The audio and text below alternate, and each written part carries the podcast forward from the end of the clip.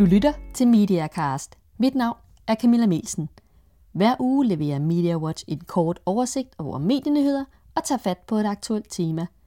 Denne gang skyder jeg en ny serie i gang om en temmelig skjult magtfaktor i medieverdenen, nemlig mediebestyrelserne. Hvad foregår der bag de lukkede døre? Hvad er mekanismerne, og hvordan påvirker bestyrelserne medierne?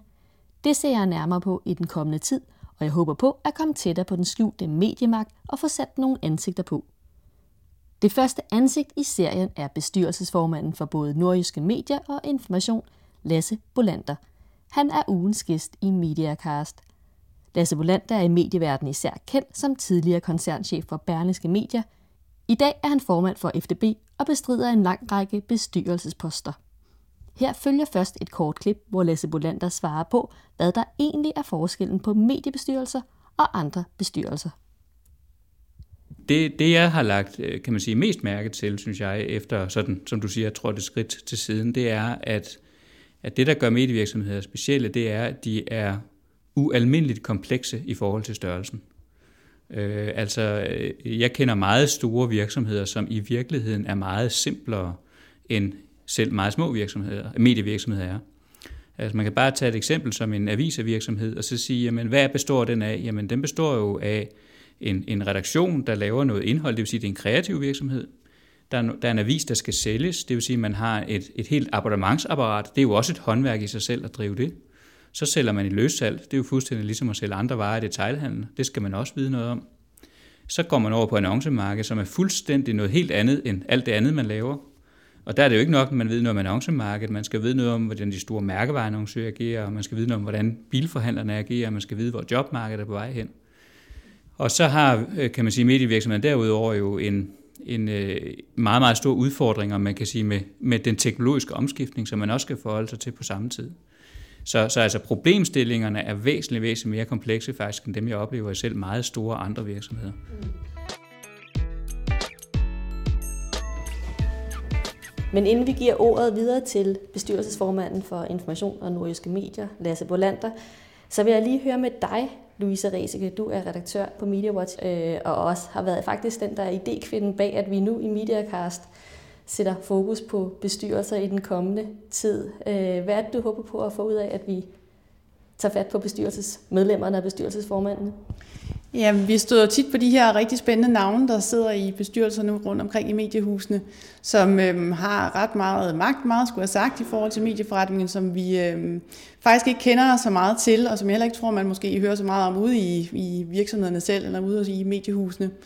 Så derfor synes vi, det var spændende at tage fat på nogle af de her profiler og høre lidt mere om deres arbejde, og også øh, øh, omkring deres syn på selve mediebranchen, fordi de jo meget tit har en fod øh, uden for mediehusene også og, og kigger på andre dele af erhvervslivet.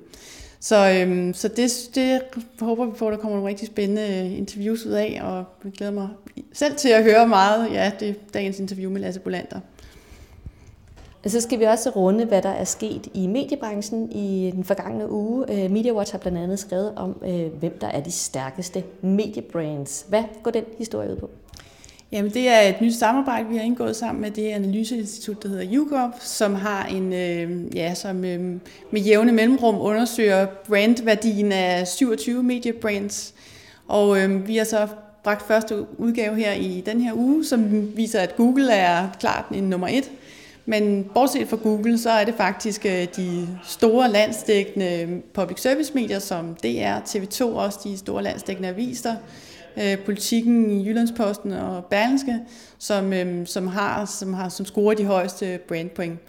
Og øh, det er egentlig bemærkelsesværdigt, at sådan en, en meget brugt ting og populær ting som Facebook, det ligger nede på en 10. plads.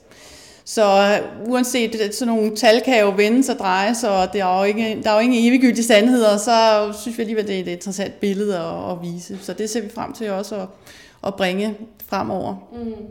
Og hvis der er et brand eller et navn, der er særligt stærkt øh, før i tiden, så var det øh, tv-programmet Husk lige tandbørsten. Øh, og det har vi også skrevet om på MediaWatch i den forgangne uge. Ja, det er jo sådan en, rygterne har svirret hele foråret omkring, om, om DR vil genoptage Husk lige tandbørsten, og det bekræftede de så i den her uge, at det gør de. Det bliver ikke med Kasper Christensen i front, men øh, med hans produktionsselskab, Doctors Entertainment, der skal producere programmerne. Vi ved ikke, hvem der bliver værd endnu, men øh, det bliver spændende. Det er, det er så det, det er skal mm, ja, have på fladen om fredagen til efteråret, hvor de skal, og deres øh, pendant til TV2's Vild med Dans. Så der bliver endnu en fredagskrig til efteråret, som bliver spændende at følge. Tak skal du have.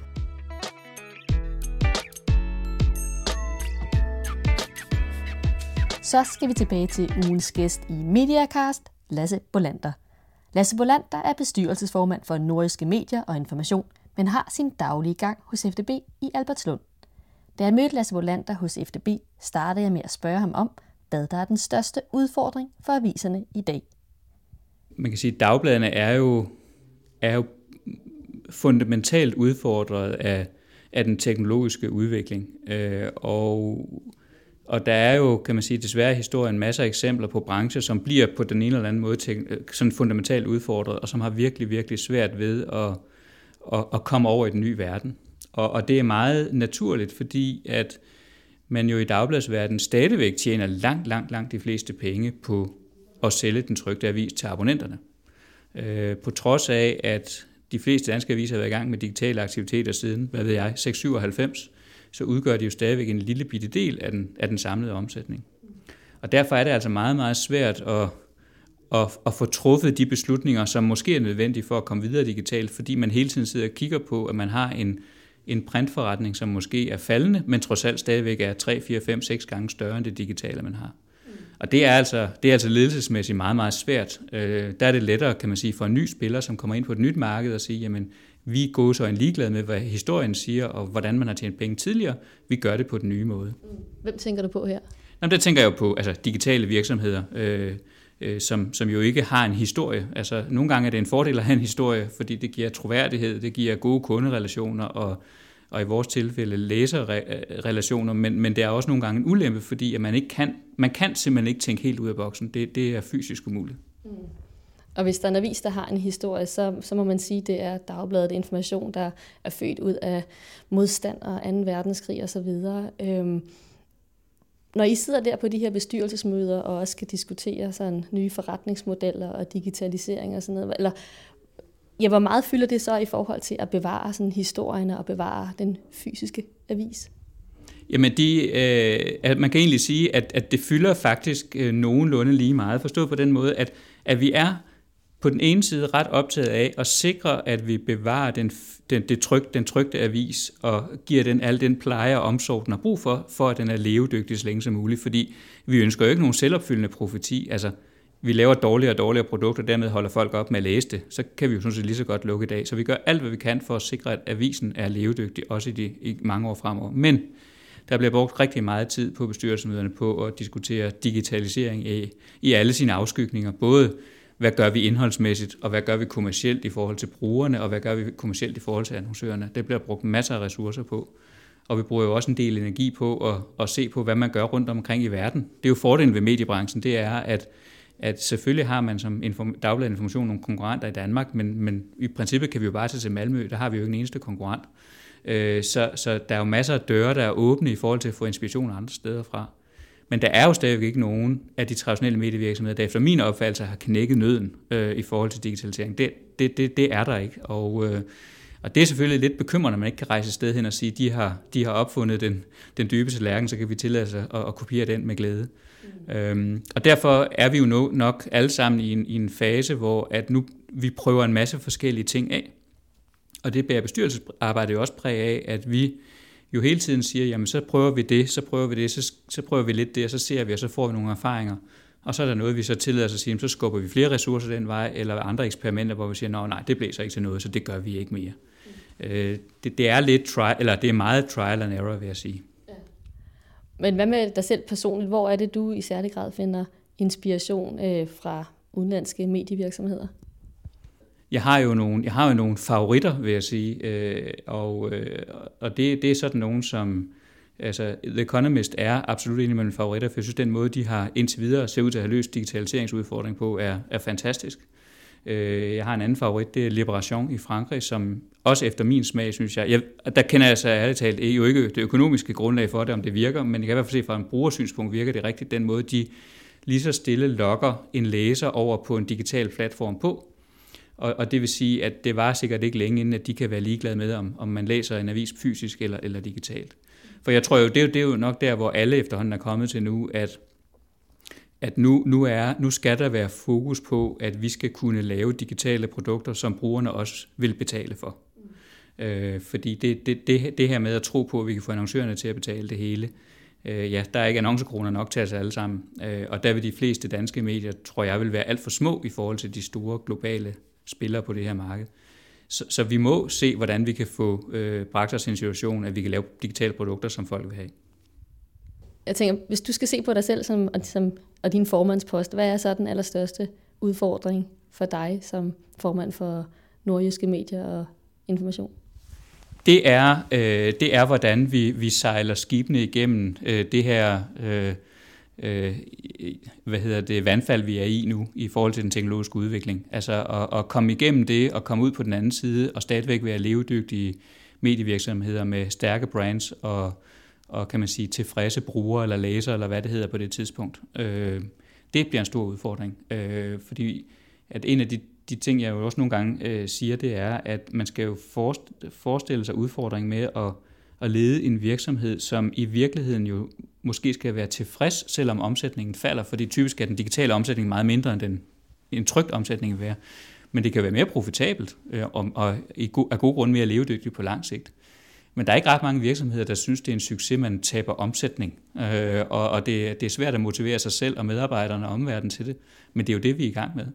Og, øh, og det er altså en stor, stor udfordring. Og, og, og som sagt, når jeg kigger rundt omkring i landskabet og ser på alle de andre medievirksomheder, der er på vej ned ad vandfaldet, så er der ikke nogen, der er kommet ned i bunden endnu og sejler flot videre. Øh, vi er alle sammen på vej ned med større eller mindre hastighed.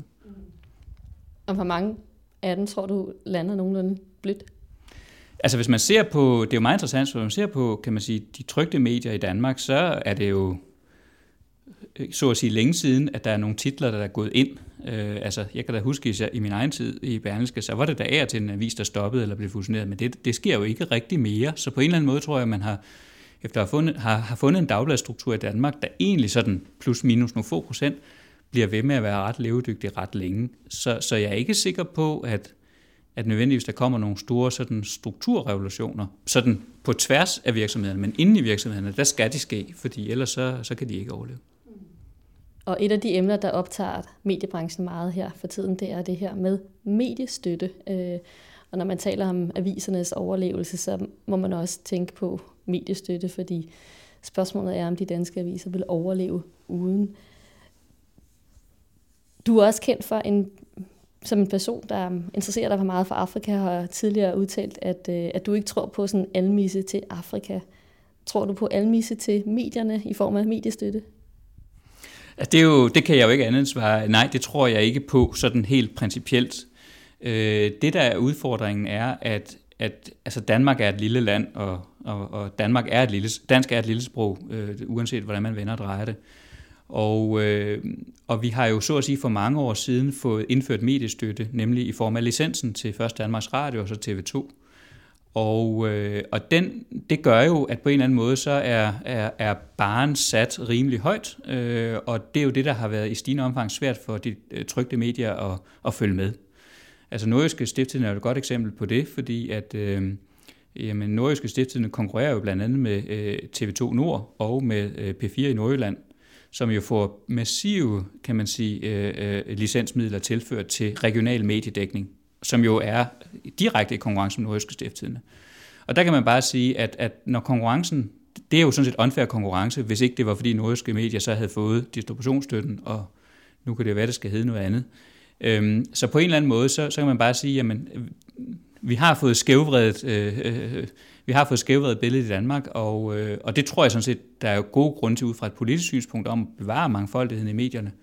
Øh, og derfor det også, må man også bare acceptere, at, at ønsker man at bevare det, så skal man også blive ved med at give støtte til dagbladene, fordi ellers så vil de faktisk øh, falde fra nu, fordi at de alle sammen jo har store økonomiske problemer. Mm. Når nu det digitale fylder sådan relativt meget, eller halvdelen cirka, på de her bestyrelsesmøder, hvor vigtigt er det så, at der sidder nogen i bestyrelsen, som har sådan konkrete erfaringer med, øh, med digitalisering, og der er nogen, der, kan man sige, nogle unge, der er fremme på beatet osv. Altså, hvor meget, hvor vigtigt er det, at man har en konkret erfaring? At, altså, jeg har øh, sådan helt grundlæggende den holdning, at, at det, er jo, det er jo ledelsen, der, så, der skal komme til bestyrelsen med oplæggene og komme til bestyrelsen med idéerne. Øh, det er ikke bestyrelsen, der skal sidde og finde på alt muligt. Og det, det har ikke kun noget med digitalisering at gøre, det gælder sådan set generelt. Øh, så det er ledelsen, der på en eller anden måde har, kan man sige, serveretten. Og bestyrelsens opgave er jo så at forholde sig til det, man bliver præsenteret for, udfordre det, øh, sige nej til det, hvis man synes, det er dårligt, og sige ja og rose det, hvis man synes, det er godt, øh, sende ledelsen hjem, hvis der skal arbejdes videre med det. Men, men det er ikke en bestyrelsesopgave at sidde rundt omkring bordet og få en masse gode idéer. Øhm, øh, det, det, det kommer der faktisk sjældent noget rigtig godt ud af. Man skal inspirere osv. Derfor er der heller ikke brug for, efter min opfattelse, nogen i bestyrelsen, som sådan helt konkret sidder nærmest til daglig og arbejder med Facebook og, og kan alle mulige tekniske detaljer og sidder og slår ledelsen oven i hovedet med det. Det er op til bestyrelsen at sikre, at ledelsen omgiver sig med nogen, der kan det. Enten fordi de selv kan, eller har ansat nogen, der kan, eller arbejder sammen med nogle konsulenter, der kan. Det er helt afgørende. Men det er ikke i bestyrelseslokalet, det foregår. I bestyrelsen skal der sidde personer, som jo gerne, kan man sige, skal være så forskellige som muligt, har forskellige udgangspunkt, forskellige indsigt, forskellige erfaring. Øh, der skal selvfølgelig i en medievirksomhed være nogen, der ved noget om digitale medier. Men der, må, der skal for min skyld også gerne være nogen, der ved noget om noget helt andet, altså kommer fra andre brancher, har andre indsigter. Øh, jeg kan huske, at vi ansatte på et tidspunkt en, en, en direktør i Berlingske, som kom fra, øh, kom fra Falk, og så kunne man sige, hvorfor gjorde man det? Han ved jo ikke noget om medier. Jo, det gjorde han jo, fordi at i Falk har de jo også abonnement og abonnementssalg, og det er sådan set det, de lever af. Så hele den motor, abonnementsmotoren, vidste han jo noget om, eller kunne det ud og ind. Og sådan skal vi også tænke i mediebestyrelserne. Så ja, der skal være nogen, der ved noget om det digitale, og har det rimelig tæt på kroppen. Og så skal der være der nogen, der ved noget om andre ting. Og så skal man jo generelt bare være nysgerrig og interesseret øh, og, og vågen, så øh, kan man gøre det rigtig godt i en bestyrelse. Mm. Hvis vi skal kigge lidt fremad, så kunne jeg godt tænke mig at få en vurdering af, hvordan øh, landskabet ser ud øh, fremadrettet. Er du optimistisk øh, på de mediers vegne, som du er bestyrelsesformand for, altså Nordjyske og Information? Altså jeg kan huske, øh, i den første tid efter jeg var stoppet i Berlingske, så var der mange, der kom til mig og sagde, var det ikke dejligt at slippe ud af mediebranchen med alle de problemer, den havde? Og øh, det kunne jeg egentlig ikke forstå, hvorfor de spurgte, øh, men efterhånden, som jeg er kommet så at sige, lidt længere væk fra det, kan jeg jo godt se, at når man ser på mediebranchen udefra, når man læser det, man læser og hører det, man hører, så, så, så hører man jo sådan kun om næsten død og ulykke. Men når man er inde bag kulisserne og er inde i det, så er det altså ikke så deprimerende, og det er ikke så nedtrykt, og, og der er rigtig meget kampgejst og rigtig meget øh, overlevelsesvilje og... Øh, og så går det heller ikke dårligere, øh, fordi ja, der er en digitalisering i gang. Jeg taler selv om vandfaldet, øh, men, men, men det er altså ikke et lodret vandfald, vi, vi, vi sejler ned af. Det er bare en, en, hurtig, en hurtig flod, kan man sige.